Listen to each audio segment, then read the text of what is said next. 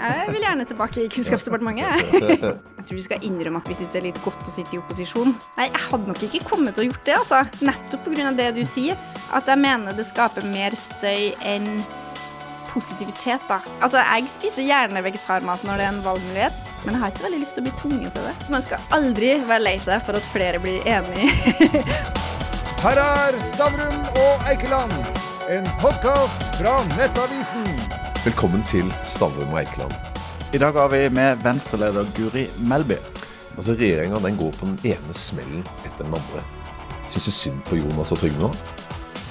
Altså, det å sitte i regjering er på mange måter det å vakle fra krise til krise. Og det å håndtere det som kommer på ditt bord, det er faktisk en veldig viktig del av jobben med å lede. Så vi fleste av oss går jo inn i politikken med noen sånne visjoner om ting vi har lyst til å endre på. Men veldig mye av jobben handler om å håndtere, og da må du også måles på hvor godt du greier akkurat det. Ja, Men nå, nå er det jo fullstendig kaos her. Og hva, hva gjør de galt, da? Jeg tror de har vært litt for bakpå. Um, det er litt interessant nå å gå og se tilbake på f.eks. da regjeringa tiltrådte, uh, se på trontaledebatten, uh, se på hva de sa da de presenterte sin regjeringsplattform.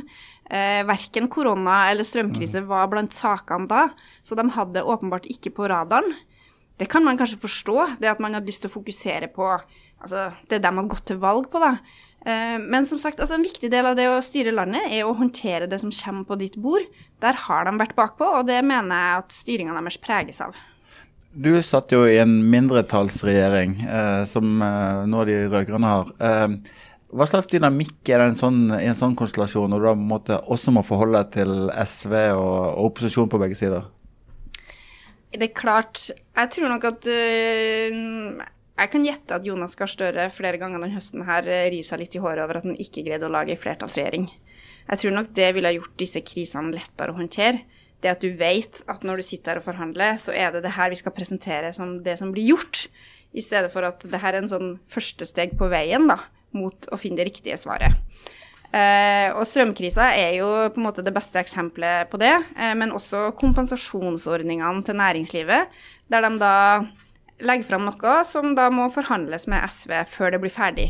Det gjør jo at det tar lang tid, og det gjør at det er vanskeligere for regjeringa å gå ut og gi klare svar til folk som desperat trenger klare svar. Eh, altså vi, har, altså vi gikk inn i jula med restauranteiere som ikke ante noe om hva som skjer på andre sida av jul, som ikke aner om de har jobb til sine ansatte, som ikke aner noe om hvor stor underskuddene blir. Eh, og når de da i tillegg må forhandle med et uh, sosialistisk parti med en sånn mistenksomhet til næringslivet, så blir jo ikke resultatet veldig godt. Men, men, men, når dere satt i regjering, så altså dere var ikke akkurat kjent for å være uh, gode på uh, gode ordninger i forbindelse med covid osv. Det var jo mye uforutsigbarhet der også. Altså det var jo det, det var ikke akkurat gode der, eller?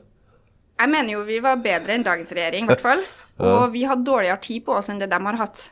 Eh, vi laga jo støtteordninger for næringslivet helt fra scratch, uten at det fantes noen ting fra før. Eh, og de kom på plass ganske raskt. Eh, nå har vi hatt ei regjering som da kunne ha brukt de ordningene vi lagde, men fordi f.eks. da SV har vært veldig opptatt av at det ikke skal være mulig å ta ut noe overskudd eller utbytte f.eks., så har de jo brukt veldig lang tid på å prøve å gnikke litt på disse ordningene og endre dem. Eh, og jeg syns jo at de har endra dem til det verre, da, på en god del punkter. Eh, så de har hatt god tid på seg, syns jeg, og de har brukt den tida dårlig. Du, et spørsmål utenfra politikken. Altså, Tenk deg du blir ny sjef et sted hvor du har vært en sjef i mange år. Sant? Det er jo på en måte logisk å ha en sånn type overlapp hvor du har noen samtaler før du begynner, og noen samtaler etterpå for å ta med deg en slags kontinuitet. Hvordan er det i regjeringssamarbeid? Har Tonje Benne tatt noen prater på tomannshånd med deg og hørt om hva hun skal gjøre? Ja, Det her tror jeg varierer veldig, og jeg tror det er noen av statsrådene som snakker en del med sine forgjengere. Eh, og så tror jeg det er andre som ikke gjør det.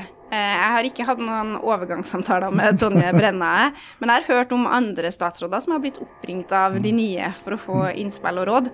Jeg tror jo det er ganske lurt, eh, fordi eh, jeg syns jo også det er klart vi skal gi regjeringa litt slekk. Eh, det er vanskeligere å håndtere en krise når du har sittet i 30 dager enn i seks år. Men jeg syns liksom, jeg, jeg kan kritisere, for jeg ble kunnskapsminister 13.3, mm. dagen etter vi stengte ned. Mm. Eh, så jeg har kjent på kroppen sjøl hvordan det er å hoppe rett inn midt inn i en krise. Um, men det er klart, det at jeg hadde rutinerte folk rundt meg, sånne som Bent Høie, Erna Solberg, folk som har sittet lenge, og som visste hvordan du styrer departementene, hvordan du får eh, folk til å samhandle litt på tvers. Altså, det er klart at det her er erfaringer som er nyttig, så jeg tror de statsrådene som spør sine gamle kollegaer om råd, dem tror jeg kommer best fra det. Men, men altså noen som alltid er der, det er jo byråkratene. Men altså, det kan virke på meg at, at de har, særlig Finansdepartementet at de har vanvittig mye makt. Altså, Har de for mye makt? Jeg tror det krever da en erfaren politiker for å ikke bli for styrt av byråkratene. Eh, og jeg syns vel kanskje at noe av det vi har sett i høst, bærer preg av at eh, kanskje noen byråkrater i Finansdepartementet har fått bestemme litt for mye, og at politikere i Næringsdepartementet ikke har bestemt så veldig mye. F.eks. når det gjelder støtteordninger for næringslivet. da. Eh, for der trenger vi kanskje mer politiske svar enn det som er de helt perfekte byråkratiske svarene. Og det, Da er det fristende å gå rett på en, en sak som Venstre har vært opptatt av. Når, når strømprisene reelt sett var over 8 kroner per kilowattime hos forbrukerne med alt inkludert, da ble vel du glad som Venstre-leder, for du vil vel ha så høye strømpriser du bare kan? Vet du, det vil jeg da ikke. um, det er klart, den jeg, tror, jeg, tror, vi skal være helt ærlige på at dette er en litt sånn krevende sak for et parti som Venstre. Uh, for som miljøparti så har vi vært opptatt av at uh, energi, det må ha en kostnad. for det kan føre til flere ting. Det at det har en kostnad, kan føre til at vi sparer mer på den energien. At vi innfører enøktiltak, f.eks. Det kan også gjøre det lønnsomt å bygge ut ny, ren energi. Eh, det tror jeg er litt viktig å ha med seg. Hvis strømmen blir altfor billig, så, så gir det ikke noe lønnsomhet å bygge ut den nye, rene energien. Um, men det vi har sett i vinter med de her helt ekstreme byksene, som jeg tror ingen kunne være forberedt på, vi mener jo ikke at det er forbrukerne eller næringslivet som skal betale for det. Da mener vi det er helt riktig at staten nå går inn med støtteordninger. Men det kan jo ikke være den langsiktige løsninga. Den langsiktige løsninga må jo være at vi må bruke mye mer ressurser på nettopp det å spare på energien der vi kan spare, og på å bygge ut ny fornybar energi. Eh, for det herre grønne skiftet det er nødt til å fortsette. Eh, vi kommer til å bli bare mer avhengig av elektrisitet og av ren energi. Eh, og da må vi ruste oss for den framtida. Og jeg tror jo mange forbrukere kanskje nå begynner å tenke litt nytt, da. Skal de Altså, det er jo mange som har vurdert å gjennomføre tiltak i heimene sine, og som har funnet ut at det er faktisk ikke lønnsomt med de lave strømprisene vi har hatt. Og det er nok mange som nå ser at det kan være lurt å skaffe seg den varmepumpa eller etterisolere huset. Eh, men vi må faktisk gi folk litt tid på å gjennomføre den type tiltak. Det kan ikke vi forvente at folk greier i løpet av en vinter. Ja, for Dette er jo et fint eksempel på at uh, det grønne skiftet det koster. Mm. Uh, til nå så har det egentlig bare vært uh, det offentlige som har betalt mye av det, kanskje bedrifter som har betalt mye. Nå har virkelig oss forbrukere fått føle det. Og når du sier det du sier, så høres det nesten ut som et, et lite eliteparti her. For at, at, det er greit nok nå har det, du og Gunnar og jeg, vi har råd til det. Ja. Men det er ikke alle som har råd til dette her. Nei, altså jeg synes jo Der jeg sitter i min Obos-leilighet, så er jeg veldig glad for at jeg har en godt isolert leilighet. og Har du hatt statsrådslønn og stortingssesjon? ja, ja, ja. Altså, du, det er klart at ja. jeg greier det her. Det er klart, det her viser jo også at um, um, selv om vi er mange i Norge som har god råd, så viser det også at det er mange som uh, lever nesten sånn fra måned til måned. Uh, som ikke helt vet hvordan de skal få ting til å gå i hop. Uh, så det å jobbe enda bedre med en sånn sosial utjevning, eh, det tenker jeg jo det her er en vekker for, for oss politikere. da. Og vi har jo hele tida tatt til orde for at denne strømstøtta burde vært mer utjevnende. For sånn som det er nå, så blir det jo dem som har de største husene og som bruker mest strøm, som får mest igjen fra staten. Eh, og jeg er litt usikker på om det er riktig. Eh, jeg tror vi burde sett på en modell som hadde greid å tilgodese dem som har dårligst råd, i større grad enn det regjeringa har fått til med sine modeller.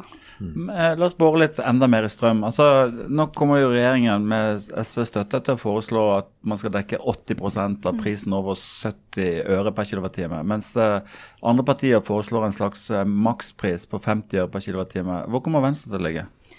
Vi eh, har foreløpig ligget på samme linje som regjeringa og SV. Eh, og det å legge opp til en makspris tror nok vi kan gi litt sånn feil insentiv. Eh, for det skal jo faktisk lønne seg å spare. Eh, og vi, det som er utfordringa, er også at når det er knapphet på strøm, så trenger vi jo at både folk og bedrifter sparer litt.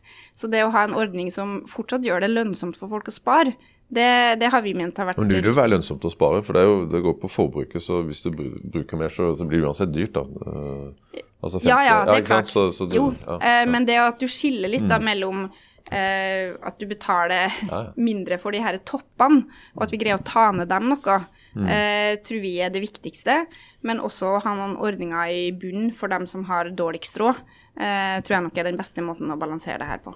Men, men så til selve systemet. altså det er Forslaget om å eh, bygge ut verna, verna vassdrag, eh, ha vindmøller på land, vindmøller til sjøs, andre tiltak. Eh, det hjelper jo ikke så mye hvis vi selger all den strømmen til Europa. Vi kan ikke dekke hele Europas kraftbehov, så vi får vel de samme høye prisene i Norge selv om vi bygger ut uh, mer strøm i Norge.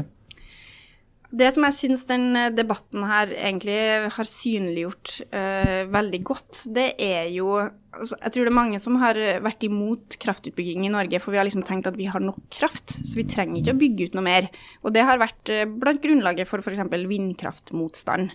Vi har den krafta vi trenger. Men norsk industri framover kommer til å være avhengig av mer tilførsel av ren energi. Eh, mange av de nye industrieventyrene som står eh, foran oss, potensielt, da, er kanskje ganske kraftkrevende.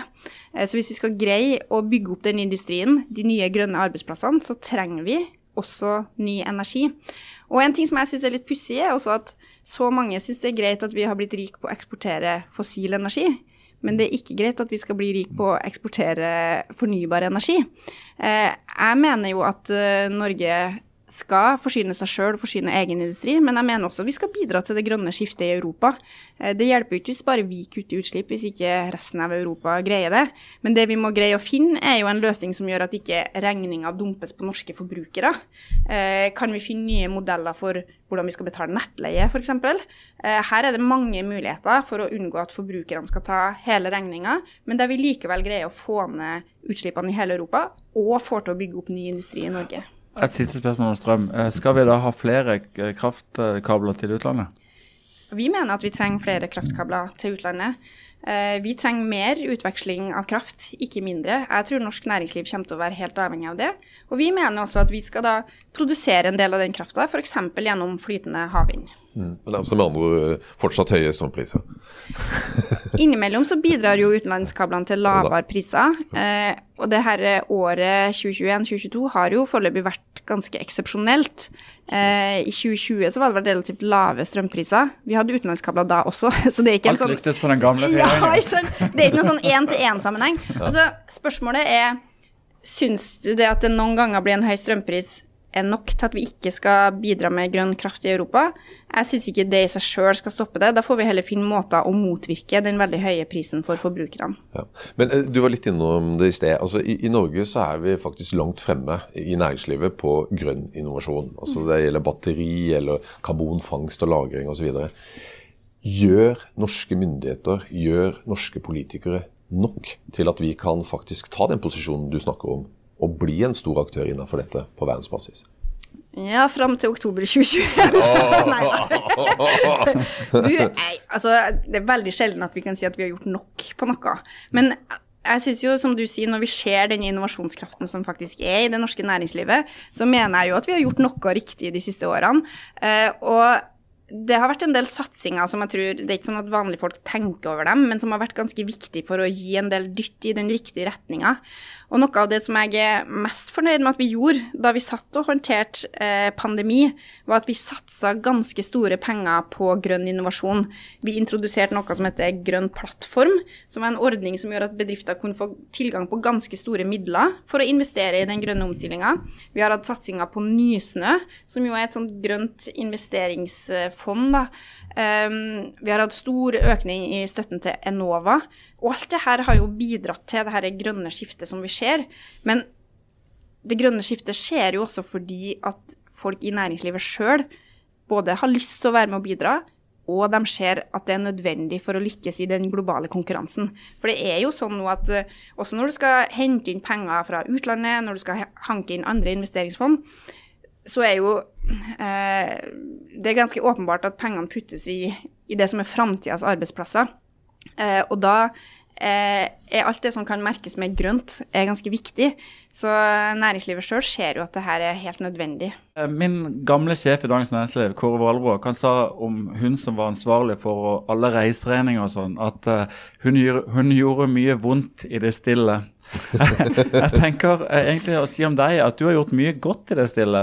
For Venstre har jo faktisk gjort det veldig godt under din ledelse. Du tok over da partiet hadde 2,5% på gallupene. Nå ligger de permanent over 5% godt over sperregrensa.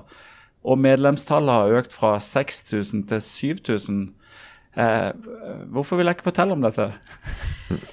ja, så show don't tell it. noe som heter det. Altså, um, vi prøver egentlig å for så vidt skryte litt av oss sjøl òg. Uh, eh, jeg har lyst til å fortelle en historie fra valgnatta. Uh, for det var jo litt sånn spesielt. Um, da er det jo sånn at partilederen sitter på et rom litt sånn unna valgvaka og sitter og tar imot de første resultatene. Uh, og målet vårt var jo da å komme over sperregrensa. Det var liksom målet mitt da jeg gikk inn som leder, for det er grunnlaget for å greie å vokse etterpå. Og så når vi så da at ja, det her kommer til å gå veien, vi kommer til å få sånn kanskje 4-1, 4-2 var det det lå an til, men nå kan jeg gå bort på valgvaka og liksom snakke om det her som en seier. Og så var det noen som sa men hvis, det er liksom ikke bra nok til å liksom kjøre konfettien. jo, det her er bra nok til å kjøre konfettien, hva mente jeg. Fordi målet vårt var sperregrensa. Eh, vi lå på 2-2,5% da vi gikk inn i sommeren. Eh, og der har vi ligget egentlig ganske konstant også over lang tid. Vi har vært gjennom noen ganske krevende endringer i partiet. Og altså, vi er et av svært få partier som har gått ut av å sitte i regjering og hatt framgang. Mm. Det er det nesten ingen som greier. Eh, så jeg var veldig opptatt av at et valgresultat som da ble over fire, og som endte opp på 4,6, det måtte vi feire som en skikkelig stor seier, fordi det var en stor seier. Og det var mot alle odds. Det var veldig få som spådde det før sommeren. Men, ja. Nei, jeg tenkte altså Du overtok jo etter en relativt markant eh, leder, altså Trine Skei, Grande. altså Hvor enkelt var det? ja, Venstre har vel bare hatt markante ledere. Først Lars Bonheim og så Trine Skei Grande. så Uh, og jeg har egentlig tenkt at jeg syns jo både Trine og Lars er litt sånn forbilder for meg på en måte, fordi at de har noen styrker. Lars kanskje med sin tydelighet, uh, evne til å liksom provosere og gjøre Venstre aktuell. Eh, Trine med sin veldig inkluderende lederstil, egentlig, men også gjorde noen viktige grep for å bringe Venstre inn i maktposisjon, da. så jeg prøver egentlig å hente litt det beste fra dem, men så er nå jeg den jeg er, da. Jeg har en kanskje litt kanskje litt annen form enn det de har. Um, men så lenge det funker, så er det greit for meg. Hva, hva slags form hadde du? Nei, kanskje, kanskje, jeg er litt sånn mildere i formen, da. Eh, som du sier, altså hvorfor, uh, hvorfor liksom skryter ikke vi mer av hva vi gjør? Jeg tenker vel at vi bare får vise fram eh, på andre måter hvor viktig Venstre faktisk er. Og er det én ting de her eh, første tre månedene med ny regjering har vist, er vel at det er et skrikende behov for et parti som snakker om modernisering, eh, som snakker om liberale verdier, som snakker om internasjonalt samarbeid. Eh, så Venstres rolle har vel egentlig blitt enda viktigere nå, når vi har fått en regjering som er såpass tilbakeskuende, eh, som vil reversere det som har skjedd av modernisering de siste årene. Men så, som, som leder, partileder, føler du deg noen ganger ensom? Altså ja og nei. Altså, jeg tror de fleste som er ledere, vil jo kjenne på at innimellom er det litt sånn ensomt på toppen. Um, men uh, nå har vi fått ei veldig god stortingsgruppe. Uh, vi kom jo inn åtte stykker. Og for første gang på kjempelenge så sitter vi alle sammen sammen uh, i samme gang.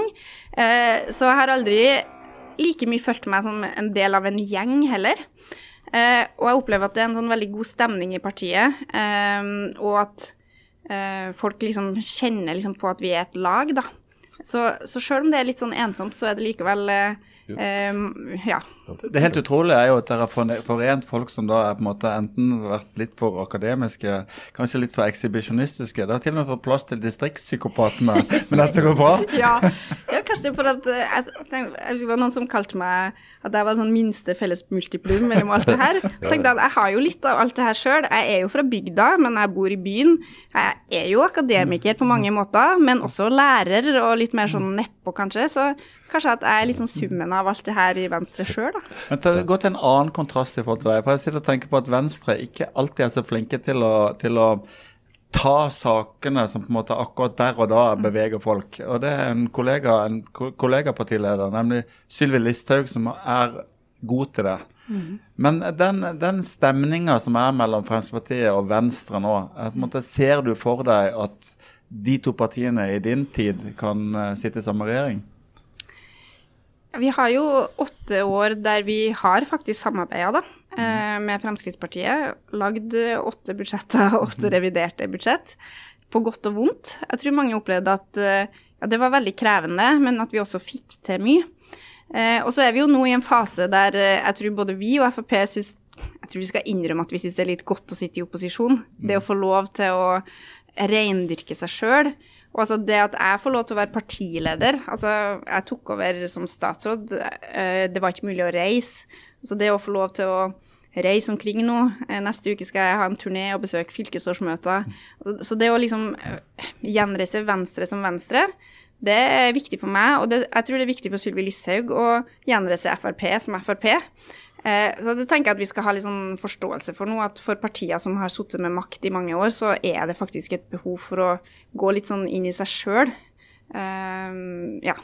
Men du har et problem, da. for Vi var så vidt innom strømpriser. og Det er jo ikke et populært standpunkt å ønske flere kraftkabler og høye priser. Eh, Venstre er jo et globalt parti som ønsker globalt samarbeid. EU er en bra ting, ikke en fæl ting. Hvordan skal du få markert disse sakene på en måte hvor det også får velgere? Det som jeg tror man må huske på, er at eh, det handler ikke bare om å liksom vinne dagen og ha det standpunktet som er mest populært akkurat der og da, men du må også ha standpunkter som står seg over tid.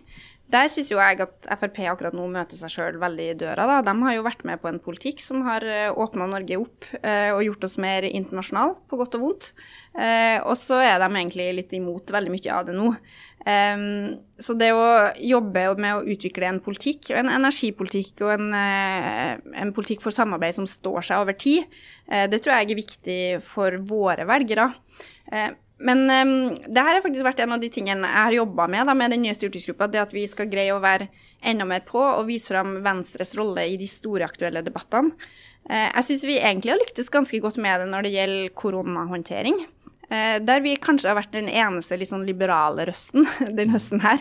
Det eneste partiet som har tatt til orde for at kanskje ikke vi skal ha så strenge tiltak. Kanskje vi heller må bruke litt mer penger på helsevesenet, sånn at ikke alle andre sektorer må blø. Eh, så der syns jeg vi har greid det. Eh, og det tror jeg blir en viktig jobb for oss framover. Å vise fram at også i disse konkrete, aktuelle problemstillingene så, så finnes det en sånn liberal, moderne inngang. Men altså, dere var jo det grønne partiet. Det var alene. Det grønne partiet. Dere var, dere var alene om det ja. uh, lenge, og så SV blanda seg litt inn. Mm. Nå er jo alle mm. Altså Nå er Erna ute, og nå skal de også ta, ikke sant. Altså, mm. Er dere bare blitt en parentes i det grønne ordskiftet? Betyr Man skal aldri være lei seg for at flere blir enig. og det at Altså, det at ikke alle partier i dag skulle anerkjenne at klimakrisa og naturkrisa er vår tids største utfordring. Det ville nesten vært rart med de overveldende dokumentasjonene vi har. Så mener jeg fortsatt at Venstre er det klart beste klima- og miljøpartiet. Eh, for vi er det eneste partiet som både ganske radikal og offensiv i klimapolitikken, men som også skjønner hvem vi må spille på for å løse det. Eh, som skjønner at vi må ha et aktivt næringsliv som greier å bli med på den grønne innovasjonen. Som skjønner at da kan ikke vi dynge dem ned i skatter og avgifter, f.eks. Eh, så Venstre er jo fortsatt eh, det ledende klima- og miljøpartiet, og jeg ønsker alle andre velkommen dette. Ja, ja. Men altså, og det er klart, for Venstre Vi har jo over mange år samarbeida tett med Høyre, og det er jo helt åpenbart at vår vei til makt går også gjennom samarbeid med Høyre sånn i overskuelig framtid, tenker jeg.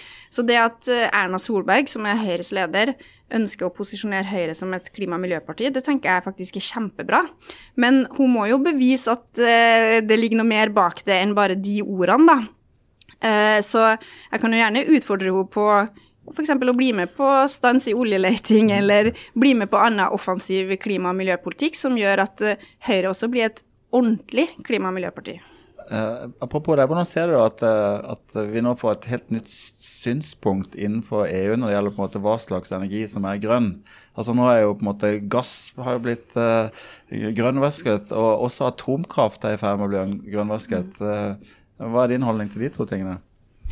Altså at det har jo egentlig vært åpenbart lenge at uh, i den internasjonale energimiksen så har atomkraft en viktig rolle. Uh, og det er ingen tvil om at en utfordring for Europa nå er jo at mange land faser ut atomkraftverk. og Det er jo en av grunnene til mangelen på ren energi. Da. Uh, det er jo utslippsfri energi. Utfordringa der er jo håndtering av avfall f.eks. og andre risikoer. så jeg mener jo at i både Europa og i verden så har atomkraft en rolle. Og det er ingen tvil om at i en lang fase så vil også gass ha det. Eh, det her med den her taksonomien til EU, det er jo sånn typisk eh, spørsmål som nerdene har jobba med i lang tid, og som nå endelig kommer inn i Rotevatn, egentlig? Ja, ja, ja. Det liksom eh, Rotevatn og Espen Barth Eide som har snakka om det. Nå begynner resten av Norge å snakke om det òg. Eh, og det er klart, det, det, vil jo ha ganske stor betydning for, for Norge og for norsk politikk.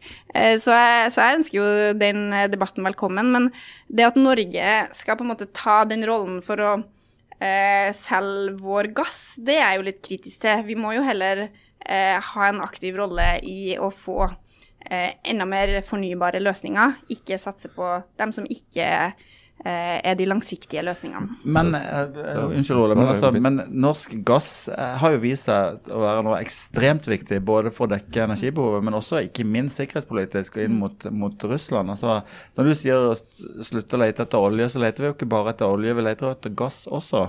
Uh, ja, og så må vi huske på at det er en stor forskjell på det å si slutt å lete etter ny olje, og slutt å ta opp olje og slutt å produsere gass her og nå. Altså, når vi leter etter olje, så vil jo det være oljefelt som åpner om kanskje 10-15-20 år, og som da skal produsere 30-40-50 år etter det. Eh, og det store spørsmålet er jo skal Europa ha norsk olje og gass i 2040-2050, ikke i 2022-2030. Det er jo det vi snakker om. Så vi har jo aldri tatt til orde for at vi skal stenge igjen kranene nå. Det ville vært dumt, både sikkerhetspolitisk det ville vært dumt også for klimagassutslippene, og ikke minst for norsk næringsliv. Så det å bruke tida nå på omstilling både for Norge og verden, mener vi er riktig. Men det at man da skal investere masse penger i å lete i stadig mer sårbare områder, som er også er det vi snakker om, ikke sant. Mm. Vi snakker jo om enda lenger nord. Mm. Eh, så, eh, så, mener vi det er både dum bruk av penger av kloke hoder, eh, og det er altfor risikabelt. Det høres noen ganger ut som ja, det grønne skiftet skal skje en eller annen gang framme der, da. Eh, jeg vet ikke, 2030-2040, da skal det skje. og da skal vi få en sånn kraftig overgang.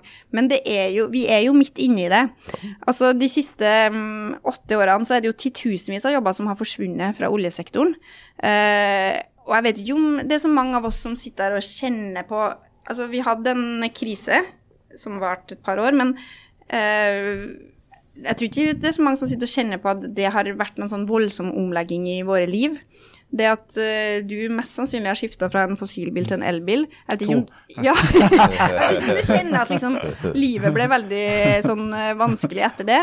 Men det er klart, jeg tror ingen av oss som kan liksom forutse hva er det som er liksom de rådende løsningene i 2040-2050. Eh, hva slags rolle norsk olje og norsk gass skal ha akkurat i de årene, er det vel heller ingen som kan framskrive. Men jeg er i hvert fall helt sikker på at eh, det ikke kommer til å ha en like stor rolle som i dag. Det ønsker ikke vi verken fra Norges side eller fra verdens side, for da har ikke vi sjanse til å nå klimamålene våre. Du, eh, til, til ditt fagfelt sist, i hvert fall som statsråd skole. Eh, du nevnte jo stikkordet at denne regjeringen, på en måte, den nåværende regjeringen reverserer en del ting. Eh, på ditt felt da, så er jo eh, fraværsgrensene i hvert fall eh, bortfalt i år. Eh, kravet om fire i kvarter til lærere er borte. Og det var nærmest nesten en viss glede å spore over at ikke de mattetiltakene som var forsøkt, hadde gitt virkning med en gang. Eh, hva mener du om skolepolitikken til den nye regjeringen? Ja, altså Den rareste saken syns jeg var at kunnskapsministeren tydeligvis var fornøyd med et forsøk man hadde gjort på realfagssatsing, at det ikke hadde gitt resultater. Eh, det syns jeg var ganske oppsiktsvekkende. Eh, jeg tenker jo at alle som ønsker at vi skal lykkes i norsk skole, burde ønske at alt vi gjør, eh, har en positiv effekt, da. Nei, eh, det vi har sett med å fjerne firerkrav, ikke minst ta bort kompetansekrav for lærere, altså lærere som utdanna seg før 2013, det vil si mens jeg fortsatt jobba i lærerutdanning, da. de trenger da ikke å oppfylle de kravene vi stilte. Eh, så det betyr at eh, når min sønn begynner på skolen til høsten, så er det avhengig av når læreren tok utdanninga si, hva slags krav vi stiller. Eh, så det vi har sett, mener jeg jo viser tegn på en politikk som legger mindre vekt på kunnskap, og det er jeg ganske sterkt bekymra for. Og jeg tror noen oppfatter det å, det å ha et sånn tydelig fokus på kunnskap som litt sånn hard og tøff høyrepolitikk. Eh, men for meg så er det egentlig en politikk som handler om å gi folk like muligheter. For dem som har aller størst behov for at vi politikere stiller tydelige krav, det er jo dem som ikke har foreldre som sjøl stiller krav, eller ikke har foreldre med store, omfangsrike bokhyller.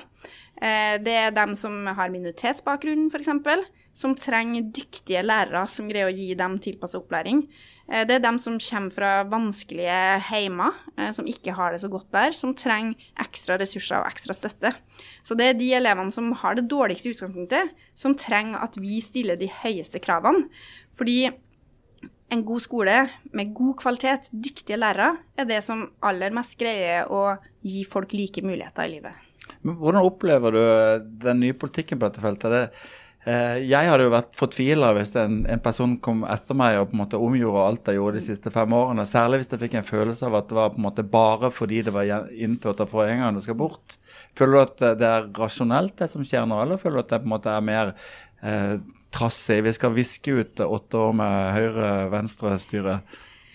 Ja, Det som faktisk frustrerer meg litt med skoledebatten noen gang, er at det er en del sånne symbolsaker som blir så mye større enn seg sjøl, sånn som det her firerkravet, da. For alle skjønner at altså det å stille krav om fire i matematikk og norsk, det er ikke liksom det som skal til for at norsk skole skal være bra. Det er veldig mye mer komplekst enn som så. Men, og det er klart at det, det, å, det, er ikke sånn at det å ta det bort vil rasere norsk skole heller. Det er jo, det er jo bare tøys å tro det. Men en del sånne jeg tror kanskje eh, en del sånne saker får litt overdrevet stor betydning. Et annet eksempel jeg har lyst til å trekke fram, er det med nasjonale prøver. Jeg mener nasjonale prøver er kjempeviktig for at skolene skal vite hvordan det går, for at foreldre skal vite hvordan det går, for at politikere også skal skjønne om det er noe vi er nødt til å satse på. F.eks. at vi trenger å satse på realfag. at ikke det går bra nok der. At vi trenger å satse på lesing. Det er jo også blant de tingene regjeringa har varsla at man man har stansa den videreutviklinga vi satte i gang på nasjonale prøver, og man vil se på om man kan redusere det. Um, så det er klart at det, klør veldig i fingrene eh, når jeg ser sånne saker. Eh, det gjør meg jo bare enda mer motivert da, til at Venstre er nødt til å vokse enda mer, sånn at vi kommer oss tilbake i denne stolen. Jeg vil gjerne tilbake i Kunnskapsdepartementet. Men OK. Ja, eh, jeg må, må bare spørre ja, okay. for, for, for, siste. Du kommer jo også fra Oslo-politikken. Der har jo Venstre hatt spesielt sterk vekst. Mm. Men det som har vært forskjellen kanskje på Venstre og MDG i miljøpolitikken, var på en måte at dere gjorde jeg får bruke det gamle uttrykket på, Valborg igjen. Der gjorde mange tiltak i det stille som ikke skapte så voldsomme provokasjoner. Mens eh, MDG har gjort uh, mye mer symbolting som skaper stor motstand. Siste forslaget, nemlig vegetarjulebord i Oslo kommune. Ville det vært noe du hadde foreslått? Nei, jeg hadde nok ikke kommet til å gjort det, altså. Nettopp pga. det du sier. At jeg mener det skaper mer støy enn positivitet, da. Eh, det gir mer eh, bråk enn det gir kutt i klimagassutslipp. Eh, og da vet jeg ikke om vi skal gjøre det. Eh, og kanskje hadde det gått an å eh, fått det til på en smidigere måte. Legge mer til rette for vegetaralternativ, sånn at flere velger det. Altså, Jeg tror jo på det gode i folk, jeg, da. At folk har lyst til å gjøre bra. Og altså, Jeg spiser gjerne vegetarmat når det er en valgmulighet, men jeg har ikke så veldig lyst til å bli tvunget til det. Men da, da, da glemmer vi Thereses gate og Bislett. Ok, greit. Det, det kan jeg sette på min ferskenkvote. Jeg tror jeg hadde sittet som byråd i sånn to uker da jeg fikk den saken på bordet. Hadde jeg fått den nå, så hadde jeg håndtert den på en annen måte. Det skal jeg si. Jeg hadde fortsatt fjerna parkeringsplassene, men vi hadde gjort det på en smidigere måte. Ja. Men um, du har jo tidligere markert deg mot uh, det kinesiske regimet. Bør Norge boikotte OL? Vi bør i hvert fall ikke sende eh, regjeringsmedlemmer til Kina eh, for å stå sammen med det kinesiske regimet og legitimere de menneskerettighetsbruddene som foregår. Jeg synes Idretten syns jeg skal bestemme sjøl om de skal delta. Og så mener jo jeg, altså Som Oslo-politiker jobba jo jeg for at vi skulle ha OL i Oslo, da. Eh, så jeg skulle jo gjerne ønska hele idrettsverdenen velkommen til Oslo nå eh, om et par uker. Både for at det hadde vært bra for Oslo, men også for å vise at eh, demokratier, åpne, liberale demokrati, kan også ta på seg den type arrangement. Og jeg syns det er ganske oppsiktsvekkende at eh, ingen av de store partiene så langt har støtta vårt forslag om å boikotte eh, altså en diplomatisk boikott. Store land som USA, Storbritannia, Canada, Australia og nå Danmark eh, gjør det, men ikke Norge. Du kan bare spørre Jagland, da, så får du støtte. Ja, kanskje jeg skal gjøre det. det han har ikke jeg prøvd å utfordre ennå. Du fikk Stavrum og Eikeland, en podkast fra Nettavisen.